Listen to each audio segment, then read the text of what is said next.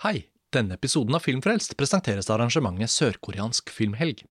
Hva er det som gjør filmer fra Sør-Korea så spesielt gode? 5. og 6. november inviterer Norsk Filmklubbforbund, Sett Filmtidsskrift og Norsk Filmkritikerlag til sørkoreansk filmhelg på Vega Scene i Oslo. Filmer som Parasitt og TV-serier som Squid Game har blitt globale fenomener de siste årene, og over to dager med filmvisninger og foredrag kan du lære mer om sørkoreanske blockbustere, kvinnelige regissører verdt å følge med på, og filmens rolle da Sør-Korea gikk fra militærdiktatur til demokrati. Og det koster bare 700 kroner for hele helgen. Kjøp billetter på filmklubb.no.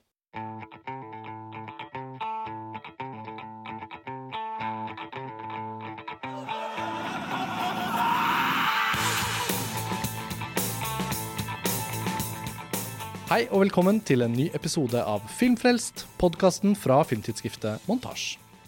Mitt navn er Karsten Meinick, og i dag har vi to spesialinviterte gjester til podkasten. Vi gjør dette opptaket i Oslo, i lokalene til animasjonsfilmproduksjonsselskapet Mikrofilm.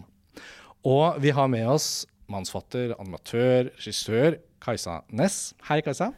Hei. Og skal jeg ta hele listen på deg også? I hvert fall regissør Rasmus Sivertsen God dag, god dag. fra Kvisten. Mm. Og dere to har hver deres nye spillefilm på kino. Kinofilm, animert kinofilm, som begge omtales da som noe så sjelden som i norsk sammenheng på en måte en original animasjonsfilm. Vi kan komme litt mer inn på hvorfor det er så mye snakk rundt akkurat det, og hvorfor det er noe særeget. Det aller mest særegne for meg er at begge to filmene, Helt super og Titina, har vært titler jeg har sett veldig frem mot. Jeg har sett hva de har handlet om, jeg har sett at det er dere to som har laget dem, og jeg har tenkt de kommer veldig tett høsten 2022, og det er et eller annet i luften. Og norsk animasjonsfilm er noe vi interesserer oss for i montasje, men det har altfor sjelden vært tema på podkasten. Så tok jeg kontakt, og så viste det seg at dere hadde veldig lyst til å være med, og være med samtidig. Så det er jeg veldig glad for. Tusen takk for det. Bare for å starte med det helt grunnleggende, Rasmus. Du har jo vært regissør på mange kino, animerte kinofilmer, og denne virker på meg som om den har noe litt spesielt ved seg, kanskje pga. at den er et originalprosjekt. eh, Og da mener vi da at ideen og manuset kommer da fra det dere har jobbet med, ikke fra en annen kilde. Er det det, Stemmer det? Har det vært en litt sånn spesiell baby for deg å lage denne filmen? Eh, det har virkelig det, altså. Det er jo en eh, Jeg har vært så heldig at jeg har fått lage mange filmer som er basert på kjente verk fra før. Altså filmer som er basert på forelegg fra før, eh, som har vært veldig gøy. Men eh, nå som jeg fikk muligheten til å lage noe originalt, så var det jo også eh, noe med å hente ut enda mer fra eget liv og det man har opplevd, og gjøre det enda mer personlig, da. Det kan man gjøre. Mm.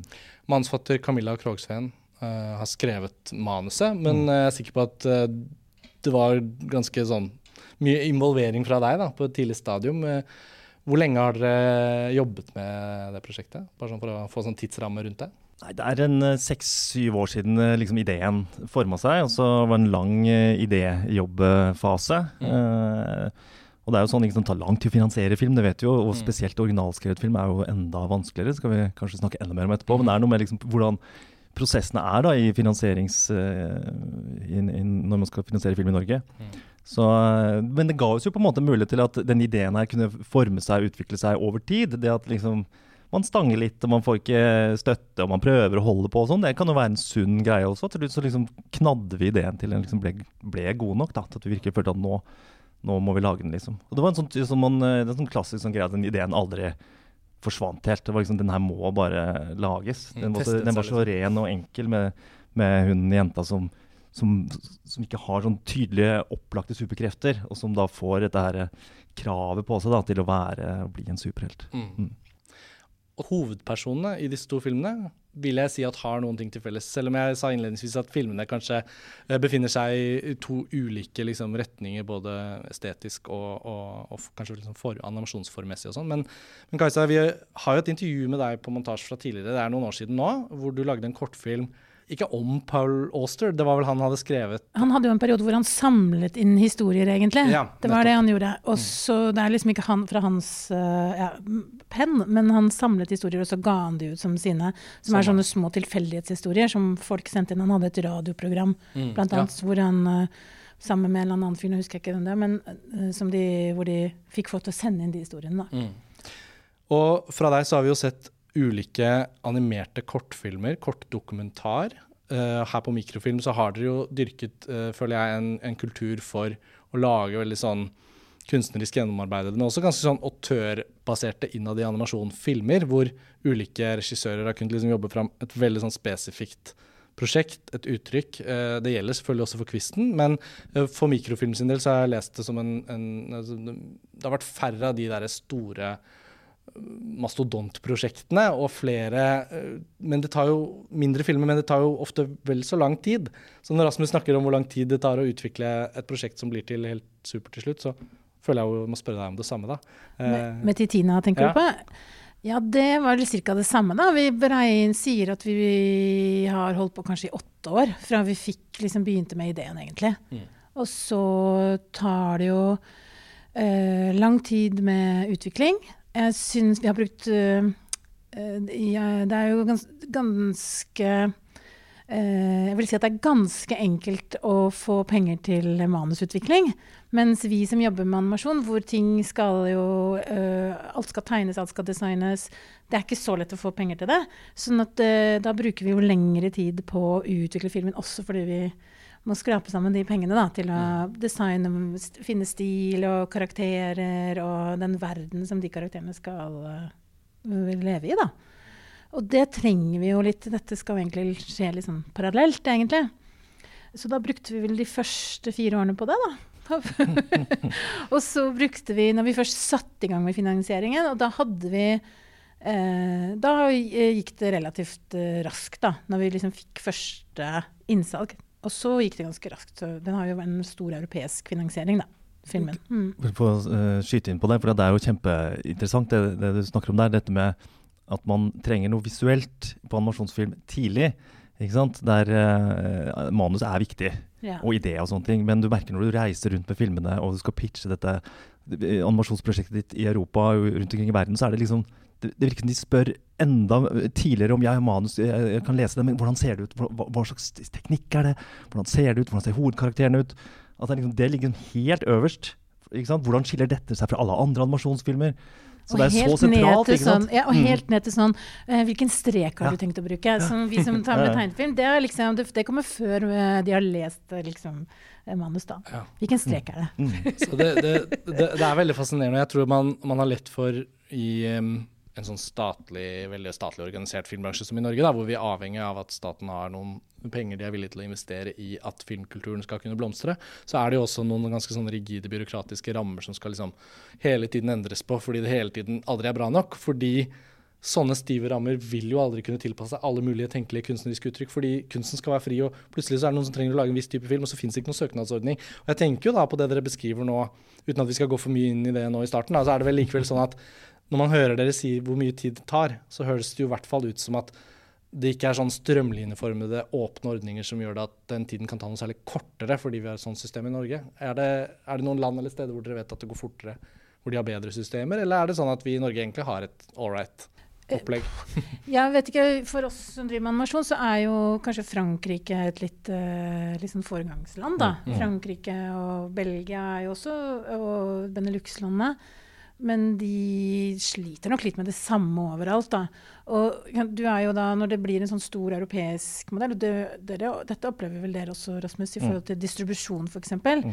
At de distributørene har utrolig mange krav som du skal gjennom, og du skal Det er, ikke, det er, det er liksom det samme egentlig overalt.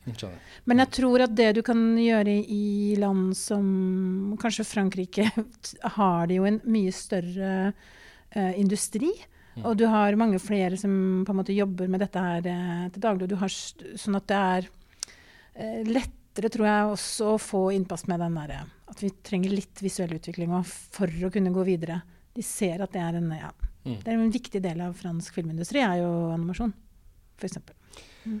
Så nå vet vi og lytterne våre at dere har jo puslet med hver av disse filmene. Nå sier jeg puslet med fordi jeg beskriver den første fasen, da, hvor noe er på idéplanet, og det er litt sånn yeah. at man kan fortsatt pusle, men så vokser det jo og når det nærmer seg, og noen penger er på plass, og det skal lages en film, så har jo i hvert fall noen av oss en viss anelse om at OK, en animasjonsfilm av dette kaliberet, disse to filmene som nå uh, går på kino i Norge i høst, som har så mye for seg på det store lerretet, så kan man jo begynne å regne ut, ikke sant. Alt vi hører, alle stemningene, alle toner for alt skuespillet som også ligger der.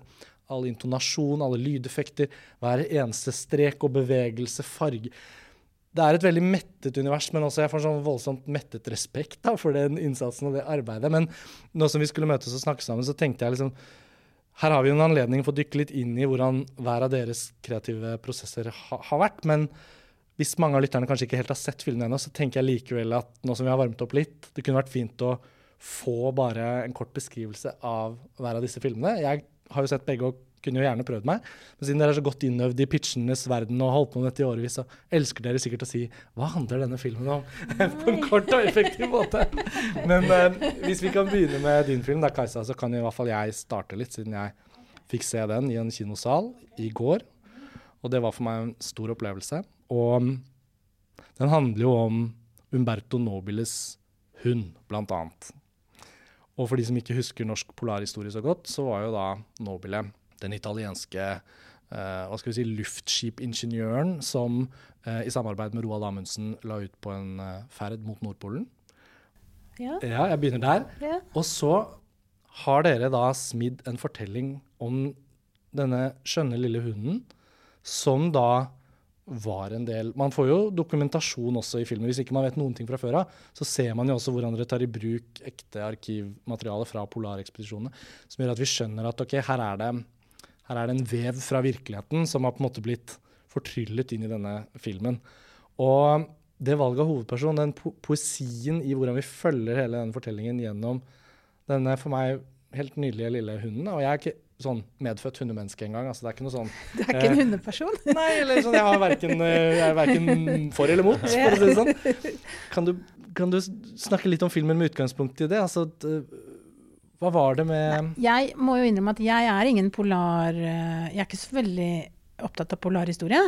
Og jeg kom over liksom tilfeldig over denne historien fordi jeg fant, jeg fant en bok som het 'Tragedien Umberto Nobile'. Som jeg tenkte at jeg kunne gi til uh, min mors nye mann. Uh, julegave fordi han er så glad i Italia. Den er perfekt til han.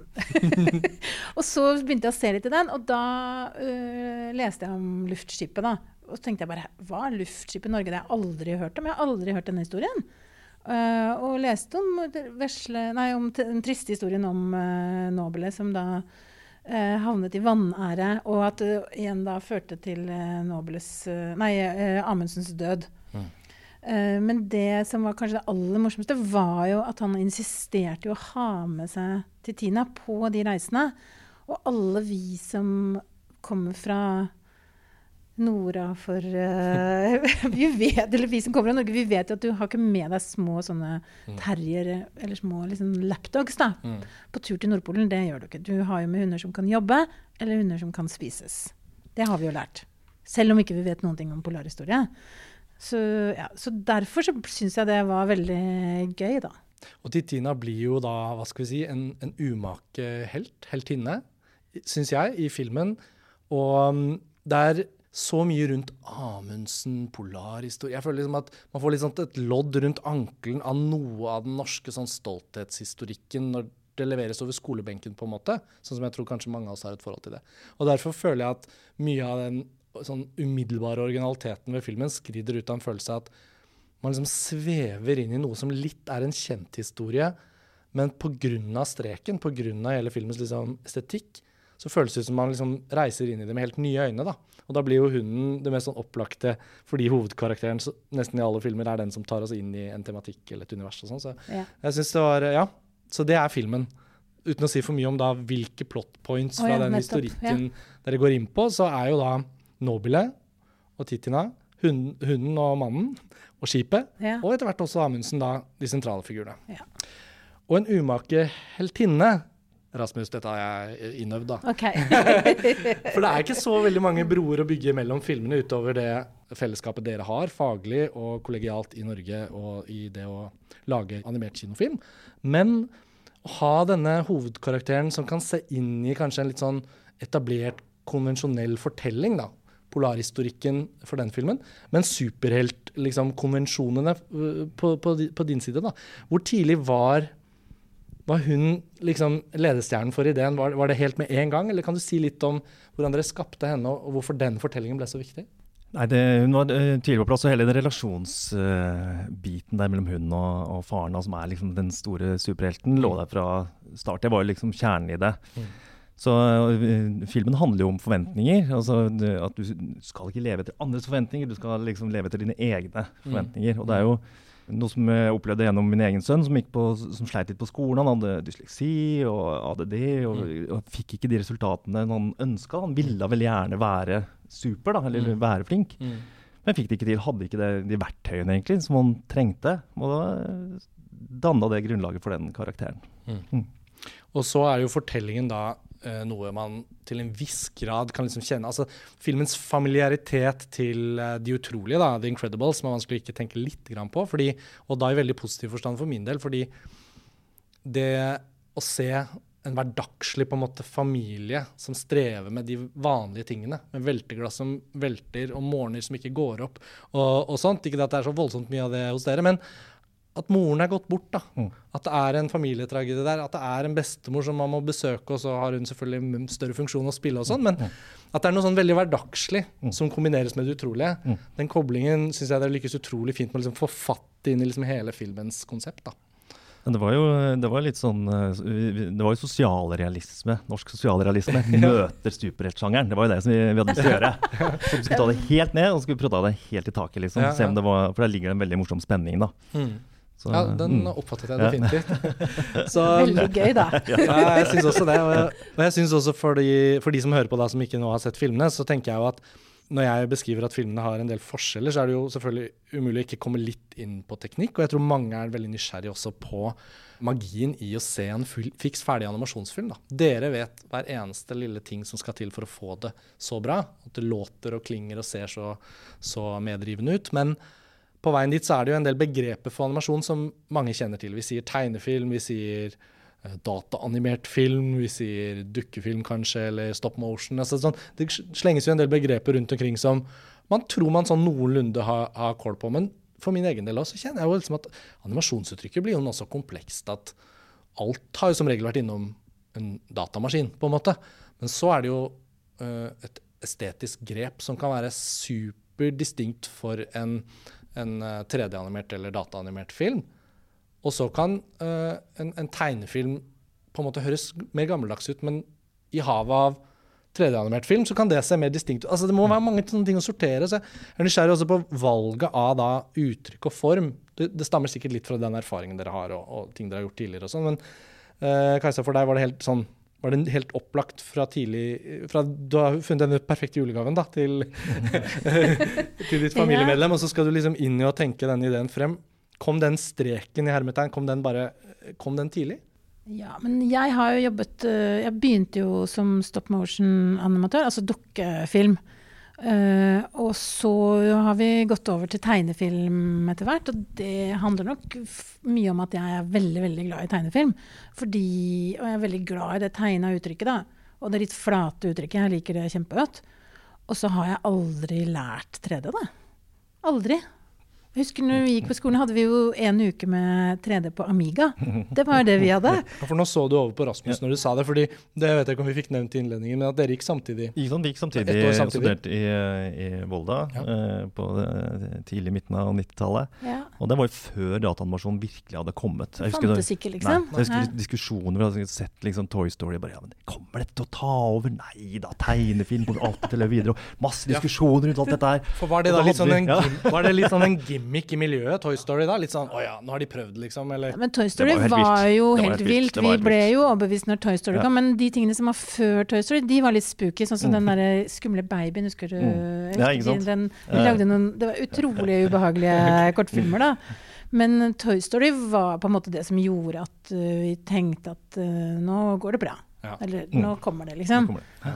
det. er jo kjempegøy med Toy Story. Fantastisk. Men det handler jo både om De hadde vært veldig lure på designbiten der, syns jeg. Mm. På, hvis vi skal snakke om mm. Toy Story. Ja. Men også historien. Og det er jo alltid historien som er Du kan lage kjempefin 3D, men det bare er ikke fint fordi det er ikke noen kul historie. Det er jo mm. historien som er det viktige. Mm. Altså teknikk og formgrep, Rasmus. Rasmus. Um, nå har jo de som slår deg opp på IMDb, da, eller en filmdatabase, vil jo raskt se at rollen som regissør på animerte kinofilmer har jo du fylt nå ved flere tosifret antall filmer. Det er jo flott. Det er jo også få norske filmskapere som i det hele tatt lager ti langfilmer, så det er jo kudos for det, på en måte, i utgangspunktet. Bare kapasiteten til å kunne gjøre det. Men det har jo også vært ulike teknikker i spill. Så det må jo være litt sånn Hvordan leker du deg da fra prosjekt til prosjekt med nettopp den inngangen til å finne et design, finne en form, tenke det blir den teknikken for det. Flåklypa sa seg kanskje selv. Mm. Jeg vet ikke. Nei, altså det mm, altså jeg, jeg, altså kommer fra, jeg kommer fra tegnefilm. Mm. Eh, elsker tegnefilm og, satt, og, har også vært animatør. Så det tegna, håndtegna og, og holdt på på den måten. Faren min var tegnefilmanimatør, så jeg liksom lærte å lage tegnefilm fra jeg var liten. Så, det, så jeg har alltid vært veldig glad i det. Men det, man må jo velge litt teknikk ut ifra storyen og hva slags film man holder på med. Eh, så når man lager Hakkepakkeskogen, så er det noe med liksom den det passer dere veldig. For det er mm. noe med liksom, det organiske, det liksom taktile, føle at det er Det fins på ekte, da. Mm, uh, mens uh, ja, ta Fantomas, som er en uh, ja. te, som er liksom 2D, som er en satire, som har, trenger en helt annet uttrykk igjen. For de som Så, ikke husker Van ja. det, det, det, likte jeg meget godt. Jeg tror kanskje det var en av de første gangene jeg noterte meg ditt navn, faktisk. Fantomas.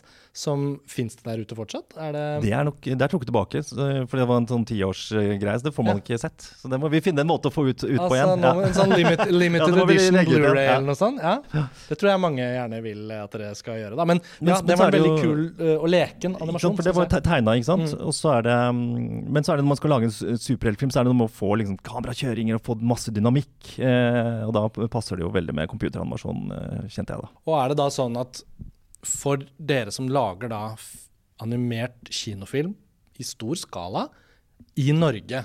Selvfølgelig med noe koproduksjon fra utlandet, og det fins mange som vil hjelpe til å få det bra.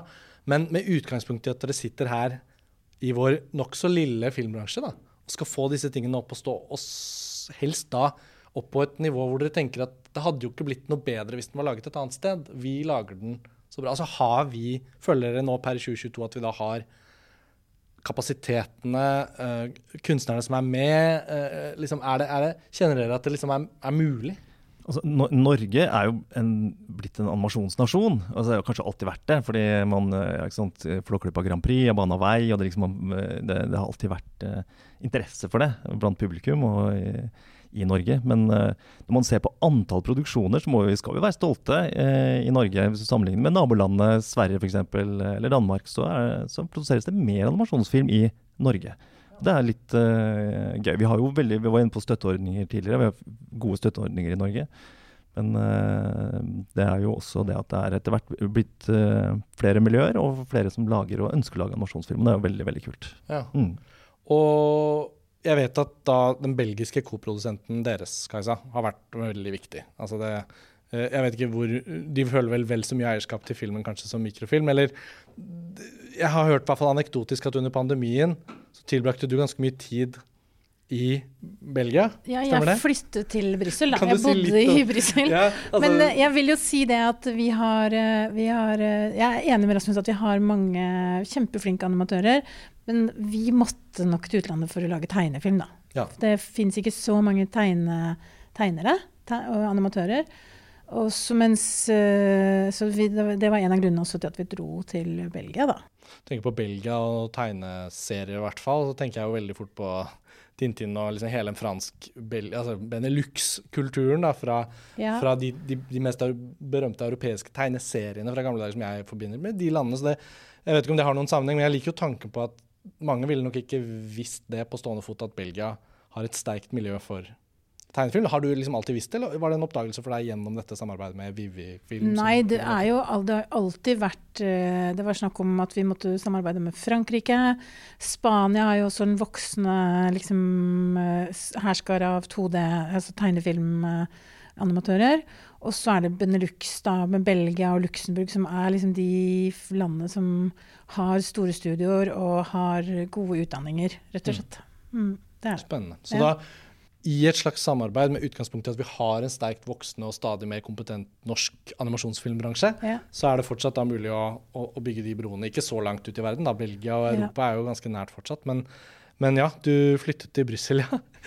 ja. Vil du kort fortelle den anekdoten? Var det Var det pga. pandemien at det ble sånn, eller var det planen uansett? Nei, planen var jo å, å, å bo i Brussel, egentlig. Men mm. planen var jo å ha med familien. Mm. Men grunnen til at jeg ville gjøre det, var fordi at uh, det er mye lettere å jobbe i samme studio. Ja. Og grunnen til at vi også gjorde det i Belgia, var at vi så at vi kunne klare å finansiere det opp med å jobbe bare med ett studio. Vi hadde på en måte to, vi hadde et flamsk og et uh, fransk studio. da, Og da var det uh, ett i Flandern og ett i ja. Wallonia. Men da er det liksom Du må ta toget i 25 minutter for å komme til det andre studioet. Så da er det jo enklere. Men det var for å ha nærhet til de som tegna, da. Ja. Fordi det er mye morsommere og mye lettere, mye mer inspirerende og ja.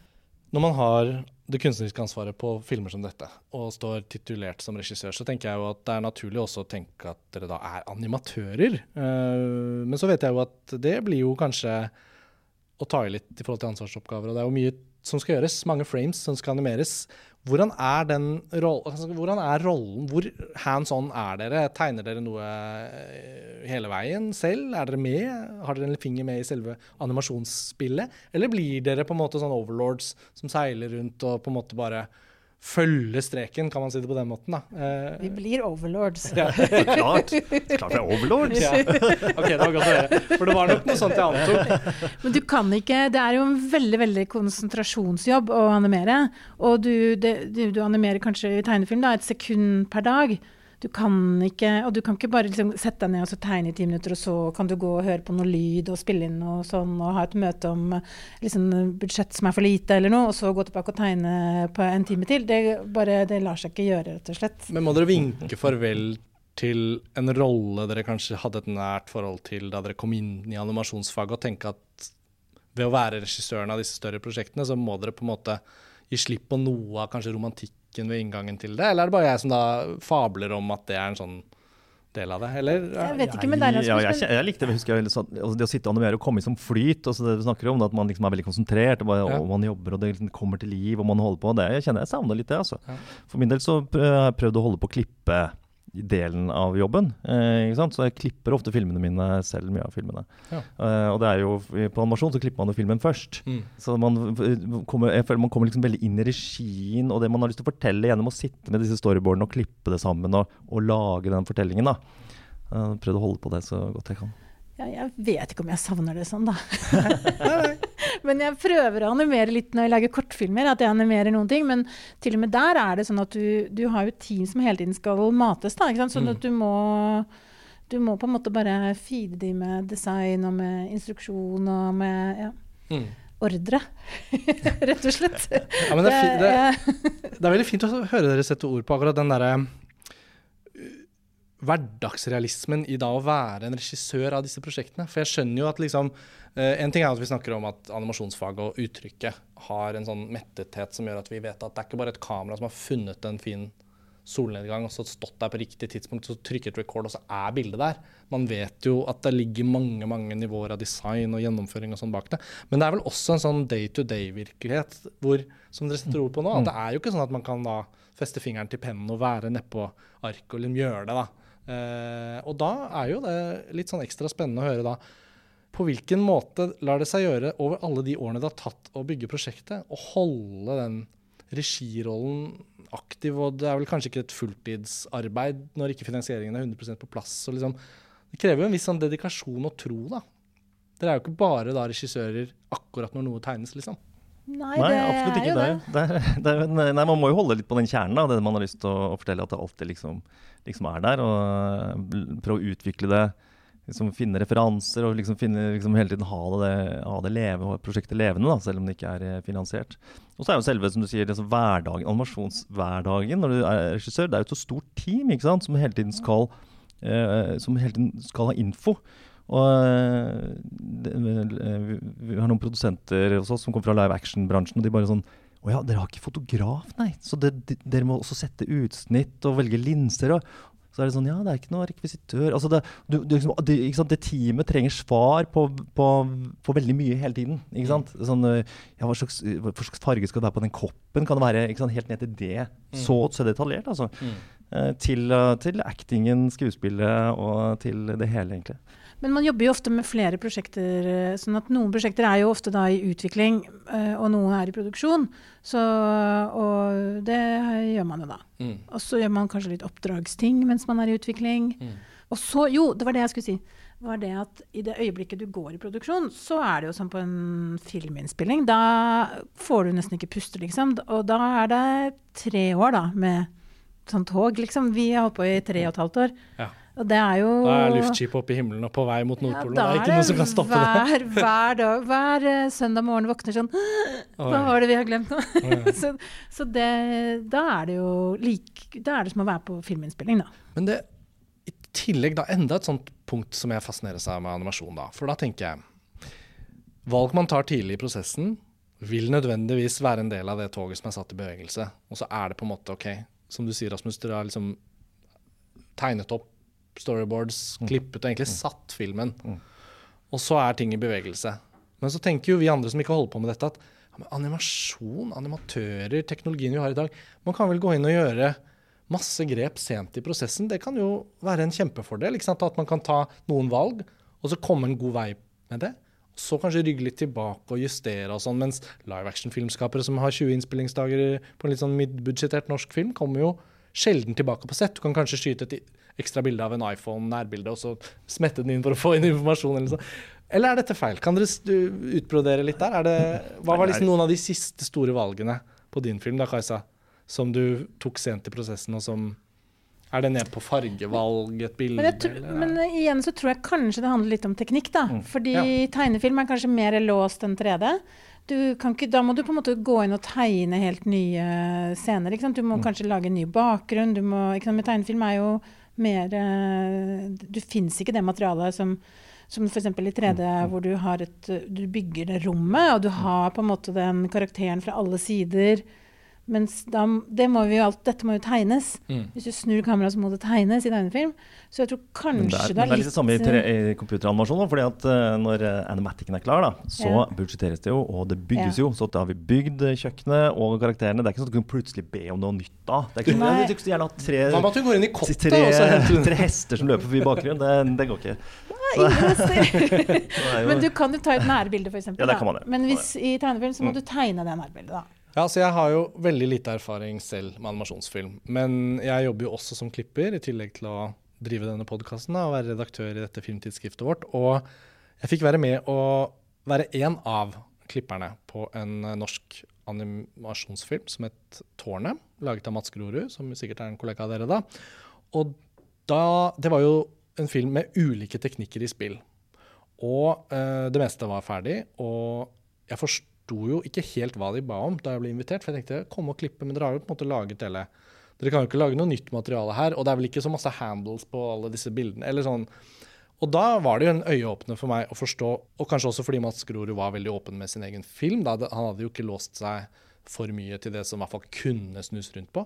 Men i klippen da så ble jeg jo overrasket over hvor mange grep man kunne gjøre, selv med ferdiganimerte F.eks. fra sånn dukkeanimasjon at man kunne ja, Bare det med nærbilder, da, at liksom et nærbilde kan resirkuleres, f.eks. Hvis man gjør noen grep og har den oppløsningen som trengs å snu litt og vri litt.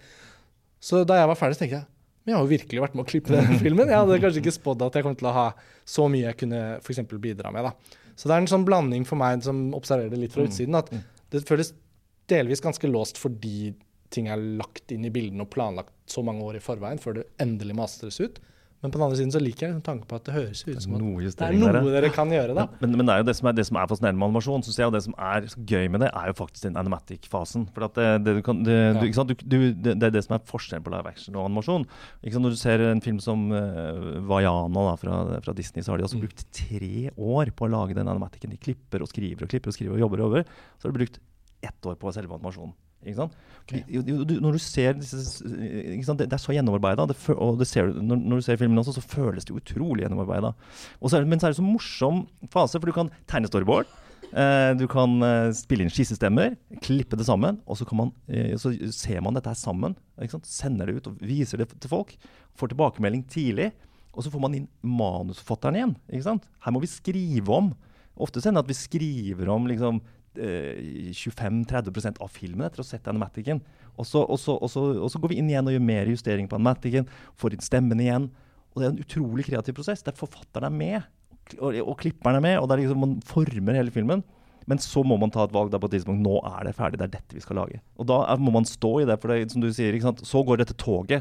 Da, er det 100 avgjørelser, og alle forholder seg til denne maticen. Da er det sånn Ja, men her er det jo det som skal skje. Her, eh, det, det, står jo det, det dere har bestemt dere skal gjøre. Og da, da, må man, da, må man, holde seg til det stort sett, altså. Uansett. Så da må du løse det. Da tar du valg i animatic eh, og design-øyeblikket. Eh, og så må du, hvis du angrer på det, da etterpå så må du jo løse det ut ifra det du har, da. Ikke sant? Du kan ikke Ja. Men det er på en måte så sildås, da. Men ja. Jeg har et lite mm, Ikke et nytt kapittel, men jeg har et lite punkt som jeg tenkte på. For det fins da to hus bak hver av disse filmene. Mikrofilm, her sitter vi nå, og ikke så mange steinkast unna, Kvisten. Og det kan se fra utsiden ut som at betydningen av å ha en familie rundt filmene, da, en fagfamilie, skal vi kalle det det, det ser for meg veldig viktig ut. Uten å kjenne til hvor mange, hvor mange krangler og hvor mange kjærlighetsfylte runder i sofaen det er i disse forskjellige familiene. Men kunne dere sagt noen ord om det, liksom fellesskapet rundt disse filmene og betydningen av det? Her på mikrofilm f.eks., eh, Kajsa. Altså, hvor mye har det å si at dere har bygget opp dette stedet og dette miljøet for at en film som denne skal endelig bli til? Det, det, har jo alt å si, egentlig. Og vi sånn, siden vi gikk på skole sammen, så vi, kom vi jo sånn cirka fra samme tid, liksom. Og da når vi kom ut av skolen, det var jo Da husker jeg Lise og jeg som, uh, Lise som start, Ja, Lise Fernley, som, startet, uh, som jeg startet mikrofilm sammen med. Vi jobbet på Studio Magica som da var det eneste animasjonsstudioet i mm. Oslo. De drev med stop motion. Og eh, de var på en måte ikke interessert i liksom å produsere vi, Jeg jobbet som Pjotr Sjapegens assistent, ja, og Lise var fotograf. Og, ja. og, så, når vi ville lage egne filmer, så hadde ikke de på en måte plass til det. Så eneste måten vi kunne få fortsette å jobbe med animasjon på, var jo å lage vårt eget studio. Og sånn var det jo litt med, med Kvisten òg. Mm. Fredrik Ove hadde De drev jo ikke De hadde lagd én animasjonsfilm kanskje før du kom? Var, mm. Eller var det ikke det? Jo. Den, hva het den? Q... QTV. QTV. Ja, ja. Fantastisk ja. film, syns jeg. Kult. Anarkistisk. Her må man google og slå opp. jo, men Er det av samme betydning for deg? Ja, veldig, altså. Mm. Uh, altså, vi er, altså. Det å ha en dedikert gjeng som bare brenner for, de, altså, for å gjøre det så bra som mulig, de elsker det de holder på med du får så mye av det at det, det er virkelig én pluss én er tre, tre, hele veien. altså. Og det er jo sånn, Jeg hadde jo eh, Tidlig i karrieren så var jeg jo rundt i og gjorde koproduksjoner, var på animasjonsstudio i utlandet, gjorde noen produksjoner i Ungarn. ikke sant? Fordi man setter sammen finansiering på den måten. Opplevde jo den frustrasjonen med liksom et team som kanskje bare var De brød seg ikke helt om dette her. De så ikke helheten, de hadde ikke sett hele filmen, de bare holdt på med den lille greia si. Eh, og jeg så også at det forsvant jo også mye penger, på en måte. Men jo flere som var involvert i produksjonen, så er det sånn ja, det er et selskap der skal ha litt uh, ekstra, og det er der og der og der. Så, så det var litt av tanken når, man, når jeg kom tilbake igjen. altså eh, det, det, å samle det og ha liksom den dedikerte gjengen som bare så gir alt. Eh, der alle er på, på ballen, da, og alle liker filmen og alle vet hva de skal gjøre. Det er uvurderlig, egentlig. Så det har blitt en greie for oss på Kvisten egentlig, at vi skal prøve å holde til å, in, å produsere filmene inhouse mest mulig, hvis vi kan få det til. Da. Og det er noe som skjer i norsk animasjon nå. Altså, jeg markerer det jo litt med de to filmene vi snakker om i dag, deres to filmer, som kommer samtidig med flere filmer. Og det har kommet filmer i årene som har gått, og det akkumulerer seg sakte, men sikkert en følelse av at kulturen innad i norsk filmkultur, som kan skrives til å være norsk animasjonsfilmkultur. Da. Og da tenker jeg jo ikke bare på kinofilmene, men også mye, fortsatt veldig mye bra korte, animerte filmer fra nye, unge animatører og filmskapere som popper opp i Grimstad, Nordisk Panorama rundt omkring. Og det må jo være noe dere kjenner på da som representanter for en generasjon som ikke er fullt så veteraner akkurat ennå, da, men dere ser i hvert fall kapitler av utviklingen med ganske tydelig blikk, sånn som dere beskriver det også. Er det litt sånn at det er en liten bølge, og, og, og hvordan føler dere at den liksom utspiller seg? Er det jeg tenker jo at det har eh, definitivt blitt lettere kanskje å få finansiert spillefilmer, da. Det er kanskje det som er helt tydeligst. For den, vi har jo produsert mest kortfilmer helt fra starten av, og mm. vi, vi, har på en måte bare jobba holdt på, da, føler jeg litt. Ikke så bølgete, men uh, mer som en slags uh, vet ikke, lar larvete, skal vi si det. Men jeg tror at det er jo flere produsenter, f.eks. Altså det som vi kaller for live action-produsenter, som ja. har lyst til å produsere animasjon. Mm. Som forhåpentligvis vil bruke animatører i Norge. Uh, det er sånn at det, blitt, det føles som det er enklere eller mer aksept eller åpenhet for å lage spillefilmer, da. Mm. Det syns jeg. Mm. Og det er jo litt ja. kinofilmene som kanskje blir målestokken litt for publikum og ja, folk som driver filmtidsskrifter som kanskje ikke får med seg alt, men som ser litt sånn Når det kommer på kino, da blir det litt lettere å se det. At nå er det et eller annet som har skjedd. Og så er det kanskje over flere år at det har allerede skjedd. Gjennom kortere prosjekter, ja. en og annen, annen kinofilm. Så plutselig så samles det mer, da. Mm. Hos dere på Kvisten så har jo Det er jo et hakk av kommersiell ambisjon i det huset, da, siden jeg kalte dere to hus her i stad, som jeg tenker at uh, det, Da dras jo ambisjonene mot også en form for sånn produktivitet. Um, det syns ikke det ser ut til å gå noe særlig på bekostning for prosjektenes kunstneriske integritet og sånn, men det, det, må jo være et eget krav for at det skal komme opp og stå at det faktisk lages film, liksom, jevnlig nok.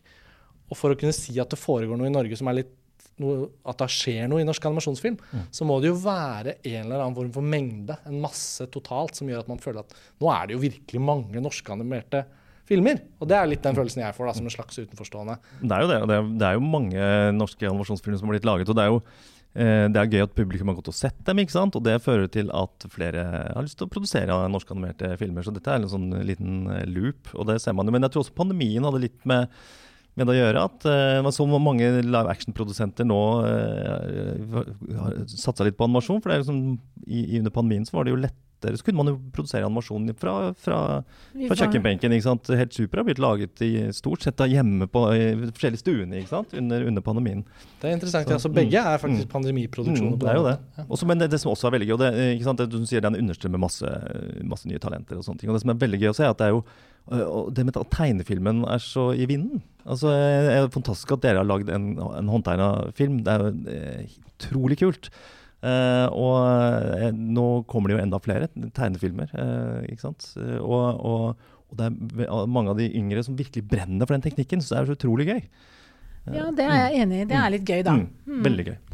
Men jeg syns uh, også at det er eh, imponerende Jeg vil si det er imponerende med Kvisten. har, Hvor mange ansatte er dere, liksom? Det, som, å ha, klare å ha den kontinuerlige produksjonen som dere har hatt, det syns jeg er uh, det det, det syns jeg er veldig gøy, da. Vi har jo små team ofte på kortfilmer. Liksom. Vi er tre stykker som sitter og jobber, og, og, så tar vi en liten pause, og så jobber vi litt med dette. altså, kan det ha den derre, hva er det de sier i Amerika, tentpole-effekt? Altså at du har ett sted hvor det på en måte står en sånn stamme av uh, liksom et stødig produksjon, mange ansatte, kanskje flere enn kanskje noen av de andre. Men opp under et sånt løft så er det plutselig rom for mer, fordi det på en eller annen måte blir en, en, en eller annen form for organisme i, i eh, et animasjonsmiljø. Da. Altså, det er animasjonsfilmfestivalen i Fredrikstad. Den har jo vært der for så vidt lenge, men det virker som den også eser ut i ambisjon for hvor mye som skal vises, seminarer som skal holdes, gjester, stadig mer prominente navn som kommer. Altså det, er liksom, det er jo alle de bitte små signalene Plutselig sitter jeg her og lager en Filmfrelst-episode med dere om animasjon altså, Nei, men, jo, Hvem skal det tro det? Det var jo et fremmedord når vi gikk ut fra skolen. Måtte forklare. Film, film lagd bilde for bilde. Min svigerfar han trodde jeg lagde hva blir det, ammunisjonsfilm. Så Oi. at det var ammunisjon, da. At jeg lagde. Ja, okay, det var det han trodde lenge. det er veldig bra. Men det var ikke han som fikk den Nobel-boken? Det var, Nei, det var ja. ja. Men, det, men det, Jeg tror at du har rett i det. At jeg tror at uh, siden det er produksjon, så kommer det jo også flere folk som har lyst til å jobbe med anima uh, animasjon. Mm. Og da vil man jo også nødvendigvis få en større liksom, skare som kan tilføre animasjonsfilmen masse bra, da. Mm. Og så tenker jeg jo at vi um, Jeg tenker at det vi har liksom som oppgave, er jo kanskje å Det er jo utrolig få barnefilmer for eksempel, som har fått uh, kunstnerisk støtte. Mm. Mm. Og animasjonsfilmene blir ofte satt i uh, markedsstøtteordningen. At det er uh, på en måte også litt uh, finansieringen og distribusjon, vil jeg mm. påstå. At, at de må ta mm. litt uh, mer sjanser, da. Mm. Bare tenke på, Vi har jo, vi har jo som er da i 50-åra, vi har jo vokst opp med utrolig mye fin barnefilm på, på 70- og 80-tallet.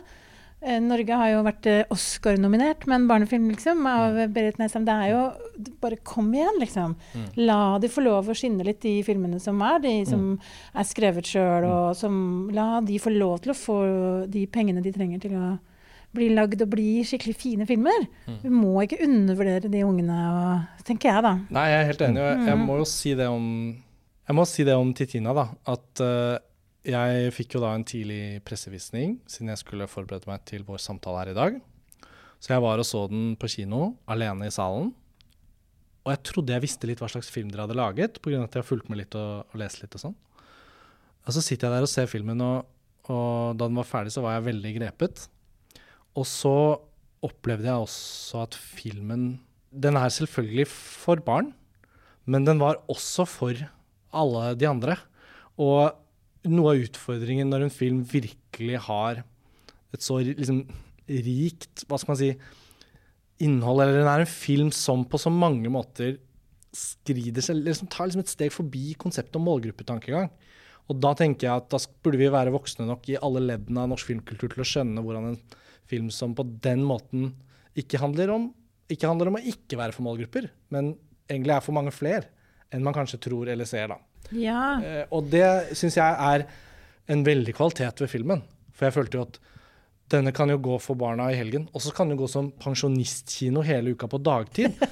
altså maken til den melankolien. Den er utrolig vakker på alle måter, og så sterk visuelt at uh, man lurer på hvordan dere har gjort det. Altså med den uh, måten å fortelle på. Utrolig kult. Den er vanskelig å sette ord på hva det var jeg likte så godt med den, men jeg syns det var et sånt steg, da at det fantes en film plutselig nå som er en norsk kinofilm som er animert, og som er for barn, men som også, hvis man ser den med et annet perspektiv, inntar liksom en helt annen posisjon, som tross alt ganske sjelden da lages med det animerte uttrykket. For det kan vi jo da også si at selv om brorparten av de animerte kinofilmene i Norge da er for barn, og det er jo ikke noe galt med det, så er det likevel sånn at når man først ser noen av de animerte filmene som ikke lages bare for barn, men som tar noen andre steg, så føler jeg jo at man blir kjent med helt nye sider ved det animerte uttrykket. da.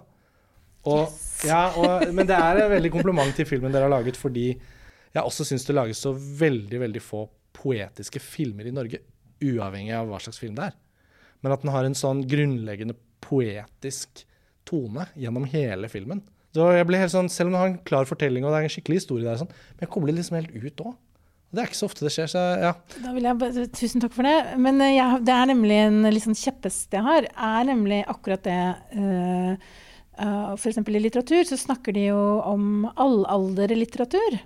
Som, er, som vi har vokst opp med, med Mumin f.eks., eller med, med, med Astrid Lindgren, eller, eller vi har Harry Potter eller du har liksom Alt dette, dette blir kalt for allalderlitteratur, som også blir veldig populært hos voksne mennesker, og som har en slags eh, Kanskje en filosofisk fortelling i seg, da. Og det snakker vi aldri om i film, og det vil jeg at vi skal begynne å snakke om i filmen. At vi, det er Vi lager, kan lage allalderfilm som er Se på f.eks. 'Mitt liv som hund', da. Som er en utrolig viktig film i min barndom, som jeg så jeg ble helt sånn betatt av som barn. Og som også er en kjempeviktig film for mange, mange voksne. Og at de fortellingene de liker jeg veldig godt. Og, mm. og det syns jeg at vi skal liksom ta litt tilbake. At vi skal gi, den, gi det til ungene våre. Da. Vi har jo hatt f.eks. en av våre referansefilmer. Vi har hatt, liksom, vi har hatt Tati som referanse, men vi har mm. også hatt Porco Rosso. Mm. Og da husker jeg at jeg leste en anmeldelse av Porco Rosso hvor det sto dette at det var en komedie med en sånn underliggende tristhet i seg. Mm. At du kan klare å være, at en film kan være litt mer enn flere ting. Og det syns jeg jo også at dere mm. har i, i Helt super, Rasmus. Mm. Hvor du har den fortellingen til hun, hun heltinnen, mm. som er en ganske trist historie, egentlig. Og så klarer dere likevel å ha de, den komedien i det med bestemora og alle de crazy tingene som skjer i den byen. Og at det er på en måte en slags, det er en dobbelthet i det. da. Og det er det vi egentlig vil.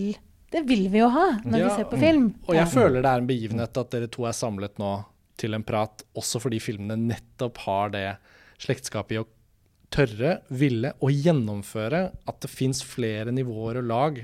Ikke bare forenklet i det vi ofte pleier å si, ah, det var det gøy for de voksne også. Det òg, men at det faktisk er en film der som vi kan se i luftlinje rett inn og kjenne at det er for oss.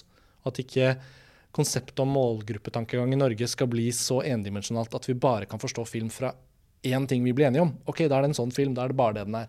For det er jo også en veldig sånn forenkling av filmkulturen. Ja. Og det er jo en veldig heldig situasjon at man har to så rike animerte filmer på denne måten, da, som masse barn skal se, men som også de voksne som er smarte nok til å gå og se de, kan få veldig utbytte av. og det har sikkert vært ligget der for dere som en ambisjon i filmen, for det, ellers hadde det ikke vært så tydelig. Mm. Ja, absolutt. Å lage en film eh, som har den, eh, den tosidigheten, som har den, prøve å få til den, den dybden, eh, har vært viktig i denne filmen for meg også. Jeg har vært veldig glad eh, i å jakte på latter. Det liksom har vært sånn eh, en greie opp gjennom alle filmene. Liksom sitte i salen og kjenne på liksom, man, Yes, man klarer å, å, å underholde. Men det, denne gangen prøve også å, å ha den kjernen der hele veien. da. Eh, Og jobbe på en helt annen måte. Men også med skuespillerne. At de, de snakker liksom mye mer ekte, og det er liksom mye mer nedpå. Det har vært en Mm. Ja, veldig det kul utfordring. Mm. Altså, uh, skuespillet, da. Mange vil kalle det dubbingen, men det er jo ikke det. Altså, skuespillet, intonasjon, gestalte, stemmecasting, altså sånn Det er virkelig øh, Det gir utsøkt resultat i begge disse tilfellene, ser jeg på dere begge. Ja. Eh, og det kjente jeg virkelig på. Altså. Og det, som du sier, Rasmus, det er jo på en måte noe med, noe med at den sjangeren dere på en måte kommenterer på, skriver dere inn i, og litt opponerer mot, da, som er liksom superheltfilmen. Den behandler dere jo da også både med kjærlighet og med en litt sånn kritikk, men også gjennom formvalg og da rett og slett liksom instruksjonen. Um, jeg vet ikke hvor bevisst det var for deg å liksom forholde deg til den sjangeren og de etablerte konvensjonene der, men, men det føles i hvert fall forfriskende når filmen i sin helhet har det, det blikket, da. Mm. Ja, det var jo litt uh, av tanken akkurat der. og det er jo når man eh, Vanligvis når man spiller inn stemmene i animasjonsfilm, så gjør man jo det først. ikke sant? Så Man spiller inn alle stemmene, og så animerer jo, sitter animatørene og hører på dette her. og De følger jo hver eneste lille ikke sant, pust og, og, og ting som skuespillerne gjør. Så det blir så, så ekte som mulig. Men vanligvis så trykker man litt på med skuespillerne. ikke sant? Det blir litt, sånn, litt elevert, litt, sånn, mer sånn, litt mer karikert eh, skuespill, men utrolig gøy å se liksom, hvor langt ned kan man trekke det. For det som skjer da, at du også som seer blir litt mer sånn Du lener deg litt frem ikke sant? Når, det, når det spilles eh, så på ekte. da. Mm. Så det, Og det er felles en interessant for... oppdagelse, rett og slett. Mm. Ja, og det er en Mm. veldig sånn distinkt kvalitet for begge filmene. At jeg tenkte på akkurat det. At jeg kjente sånn Det er liksom Det er rom for meg også. Skjønner du? Altså at I det å høre på hvordan filmen blir liksom artikulert, så kjente jeg at her kan jeg også være. Altså, og det er ikke noe gærent med de supertempofylte, energiske megamesterverkene i den beste amerikanske animerte filmen fra Hollywood, liksom, da. Men det er likevel sånn at det fyller jo rommet til det punktet hvor man egentlig ikke puster, men man bare sitter der og er bare helt sånn Ikke sant? Man er jo helt rusa på filmen, og så kommer man ut og bare Ja. Eh, Men her var det liksom plass da, i begge filmene, på hver sin måte. Vi hadde jo litt som teori sånn animasjonsteknisk, da, så ville vi jo Vi har jo ingen skygger, f.eks. i filmen. Vi har, ingen, vi har prøvd å unngå så mye effekter som mulig. Vi, har, eh, prøv, vi prøver å ha en veldig, veldig realistisk eh, animasjonsstil. Eh, altså skuespillet, da, og karakterene. Og hvor vi har eh, også holdt igjen på bevegelser fordi at publikum skal kunne se på karakteren og kjenne hva den karakteren kjenner. Det er det, at du skal ta inn de følelsene, da. Det har jo vært et bevisst liksom regi, animasjonsregigrep. Men kan jeg spørre om noe? Fordi at uh, Måten musikken er brukt på, Ja. uh, den blir også uh, den, er jo så viktig. Eh, var den på plass allerede på Anmatic-stadiet nesten? Man får liksom følelse av at Ja, alt noe- spiller rundt dette her, liksom. Vi har jo noe musikk som er på en måte som synges i filmen. Ja, ikke Så sant? alt det var jo, måtte vi jo ha før vi Herlige sekvensen hvor hun går oppover Ja. de der Ja. ja, roseblad-trappetrinnene. Ja, men da er det Så de var jo der, og så var det noe som var litt sånn skissete. Uh, og så begynte vi å lage en del av musikken allerede når vi hadde veldig røff animasjon. Ja, I tegnefilm så, så tegner du på en måte filmen din om igjen og om igjen. igjen. Du tegner den mange ganger før du er helt ferdig. Så da i første stadiet heter det rough animation. Og da kan du på en måte sette sammen scenen din, og så ser du litt hvordan det beveger seg. Så Kåre Vesterheim da, han begynte ganske tidlig med å, å lage musikken. Mm. Uh, ut ifra det. Og så har jo den da vært justert hver gang vi har tegnet, musikken, nei, fil, uh, tegnet uh, filmen en gang til. Så måtte han jo inn og justere, da. Men og siste innspilling var jo ikke helt før nå, rett før sommeren, da. Tid, tidlig i sommer. Mm. Jeg blir jo litt sånn varm i trøya at vi sitter her og prater, og jeg kjenner virkelig at om det, om det blir starten på en avslutning på vår podkastepisode, så føler jeg at det å sitte og snakke om filmene føles som starten på en sånn Dette er filmer vi kommer til å snakke om ganske lenge. Kanskje ikke jeg med dere to da hver gang, men, men jeg er jo ute og snakker veldig mye om film med mange av mine kollegaer. Og øh, norsk filmkultur har vi jo vært stolte av i en hel generasjon nå, nesten, føler jeg. Så det er jo en del av det, den bølgen vi snakker om, er jo ikke bare det animerte uttrykket i Norge, men vi er jo del av en større filmkultur hvor det skjer veldig mye spennende. Norsk film går uh, kanskje litt sånn opp og ned fra noen år til år, hvis vi bare måler internasjonal suksess eller antall solgte kinobilletter i Norge og sånn. Men det føles også ut som at um, det som begge de to filmene her er med å åpne opp, er jo da samtalen om at mange av de såkalt litt vanntette skottene mellom ut uttrykksformer og produksjonsmiljøer egentlig er en litt sånn konstruksjon. Da. I eh, det å høre Jan Gunnar Røises stemme da, som Nobile, ja, så plutselig ja, ja. føler jeg liksom at jeg også er et, en liten snei innom det Dag Jan Haugerud har laget i sine filmer. Det både handler om noe av stemningen og bare sånn, følte jeg at det oppstår sånne bånd på tvers. Og jeg føler også at den familieskildringstradisjonen vi har i norsk film, for så vidt i animasjonsfilm før òg, men kanskje mest i live action. At filmer som har, har, vist at familier hvor ting er litt på tverke eller litt sånn brutt, det kan være en veldig sånn fin norsk og nordisk barnefilmtradisjon. da. Nå lages kanskje de filmene litt sjeldnere, men jeg syns også at det å kjenne at vi tør å ta den kjøkkenbenk-realistiske superheltfilmen som du beskrev det så fint som, da. Det føler jeg også at det lager jo et bånd ikke bare fra animasjon til animasjonsfilm. Og vi sier at, Nå har vi jo snakket en del om det allerede, men noe av det fineste med den tiden jeg føler vi er i nå, er jo også at det begynner å skje Og det trenger ikke være hen hensiktsmessig eller tenkt fra deres side, men at når man observerer de ulike filmkulturelle liksom, tingene som skjer i Norge nå, så, så begynner man å se at det, nå, nå, nå, skjer det ting på tvers og inn og ut av filmer, og samtalene kan trekke inn en film som disse to, da, og i det andre øyeblikket kanskje dra den parallellen tilbake til om det er liksom ikke naken til Torunn Lian, da, for, eksempel, for å nevne en sånn eh, barnefilmklassiker som ikke er så gammel, men som har begynt å bli litt eldre. ja, men vi animatører vi snakker jo veldig ofte om at Eller vi blir litt snurte, da, kanskje. Eh, når vi, sier, vi må alltid si sånn Ja, vi vil bare minne dere på at animasjon er ikke en sjanger, det er en teknikk, ja. f.eks. Vi sier jo sånne ting. Ja. Og, uh, Man kan kalle det et, uttrykk, er det. Uttrykk, uttrykk syns jeg er veldig fint, da. Mm. Det er det jo. På, jeg prøver å ja. Men at jeg, jeg, øh, hvis jeg, hadde, jeg tenker at vi har kommet så langt i animasjonsfilmen nå da, mm. at vi kan også bli begynt å måle Vi kan bli målt med de andre live action-filmene. Mm. Og at vi kan Jeg tenker at uh, man skal ikke liksom avskrive en film fordi det er en animasjonsfilm, eller si at det er jo en barnefilm, eller det er jo en sånn film. Uh, man må ta de filmene like på alvor som man gjør med alle de andre live action-filmene. da. Mm. Og eh, man burde kunne eh, nominere en, eh, en animasjonsfilm til beste film istedenfor bare beste barnefilm, ja, f.eks. Ja, ja, At man burde kunne, kunne, se på det eh, som filmhåndverk, da.